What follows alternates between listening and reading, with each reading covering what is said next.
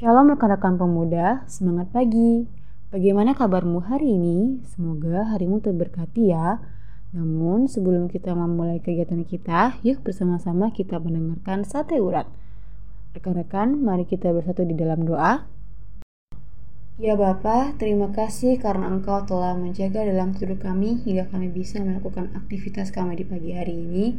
Kami mengucap syukur karena kami masih diberi nafas kehidupan dan kami akan melakukan aktivitas kami masing-masing. Kiranya Tuhan memberkati kegiatan kami, jaga dan lindungi kami di dalam tangan pengasihan-Mu. Dan sebelum kami memulai aktivitas kami, kami akan mendengarkan sate urat, kiranya apa yang disampaikan bisa kami terapkan dalam kehidupan sehari-hari. Hanya doa anakmu, amin. Judul sate urat pada hari ini yaitu Jangan Goyah yang terambil dari 1 Korintus 1 ayat yang ke-19 sampai yang ke-25 Beginilah firman Tuhan, karena ada tertulis, aku akan membinasakan hikmat orang-orang berhikmat, dan kearifan orang-orang bijak akan kulenyapkan. Di manakah orang berhikmat? Di manakah ahli Taurat? Di manakah pembantah dari dunia ini? Bukankah Allah telah membuat hikmat dunia ini menjadi kebodohan? Oleh karena dunia dalam hikmat Allah tidak mengenal Allah oleh hikmatnya, maka Allah berkenan menyelamatkan mereka yang percaya oleh kebodohan pemerintahan Injil. Orang-orang Yahudi mengendaki tanda dan orang-orang Yunani mencari hikmat. Tetapi kami memberitakan Kristus yang disalibkan untuk orang-orang Yahudi suatu batu sandungan dan untuk orang-orang bukan Yahudi suatu kebodohan. Tetapi untuk mereka yang dipanggil, baik orang Yahudi maupun orang bukan Yahudi, Kristus adalah kekuatan Allah dan hikmat Allah. Sebab yang bodoh dari Allah lebih besar hikmatnya daripada manusia, dan yang lemah dari Allah lebih kuat daripada manusia.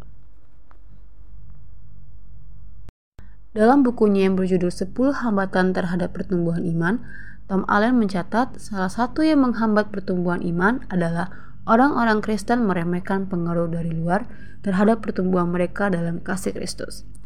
Kita diperhadapkan pada realita bahwa kita berada dalam jalinan hubungan dengan orang-orang yang tidak percaya kepada Kristus. Pertanyaannya ialah, apakah kita akan menjadi orang yang memengaruhi atau orang yang dipengaruhi? Rasul Paulus menasihati jemaat di Korintus supaya mereka tidak terpengaruh ajaran orang Yahudi dan ajaran orang Yunani. Orang Yahudi meminta tanda dan berita salib adalah suatu batu sandungan. Orang Yunani, mereka suka mencari hikmat pengetahuan. Kristus yang disalibkan adalah kebodohan. Mereka menertawakan berita keselamatan dalam Kristus yang disalibkan yang diberitakan oleh para rasul. Namun, bagi umat yang terpanggil, mereka yang percaya Kristus adalah kekuatan Allah dan hikmat Allah. Sahabat muda, dalam setiap perjumpaan dalam lingkup pendidikan, dunia pekerjaan, dan pergaulan, apakah rekan-rekan menjadi orang yang memengaruhi atau orang yang mudah dipengaruhi? Lingkungan di mana kita hadir sangat memengaruhi cara berpikir, bersikap, bahkan kadang menggoyahkan identitas diri sebagai pengikut Kristus. Berhati-hatilah dan selalu waspada Rasa percaya kepada Kristus jangan sampai berubah. Kristus adalah Tuhan dan Juru Selamat kita, sekalipun ada orang yang menertawakan dan merendahkan, tetapi bagi yang percaya, Yesus Tuhan adalah kekuatan dan hikmat yang kekal. Tetaplah mengikut dia, Tuhan Yesus yang disalibkan. Amin.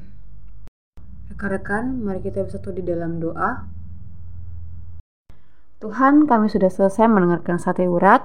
Kiranya kami sebagai generasi muda dapat memengaruhi cara berpikir bersikap kami sebagai pengikut Kristus Tuhan dan kiranya Engkau lindungi kami Tuhan agar kami selalu berhati-hati dan selalu waspada.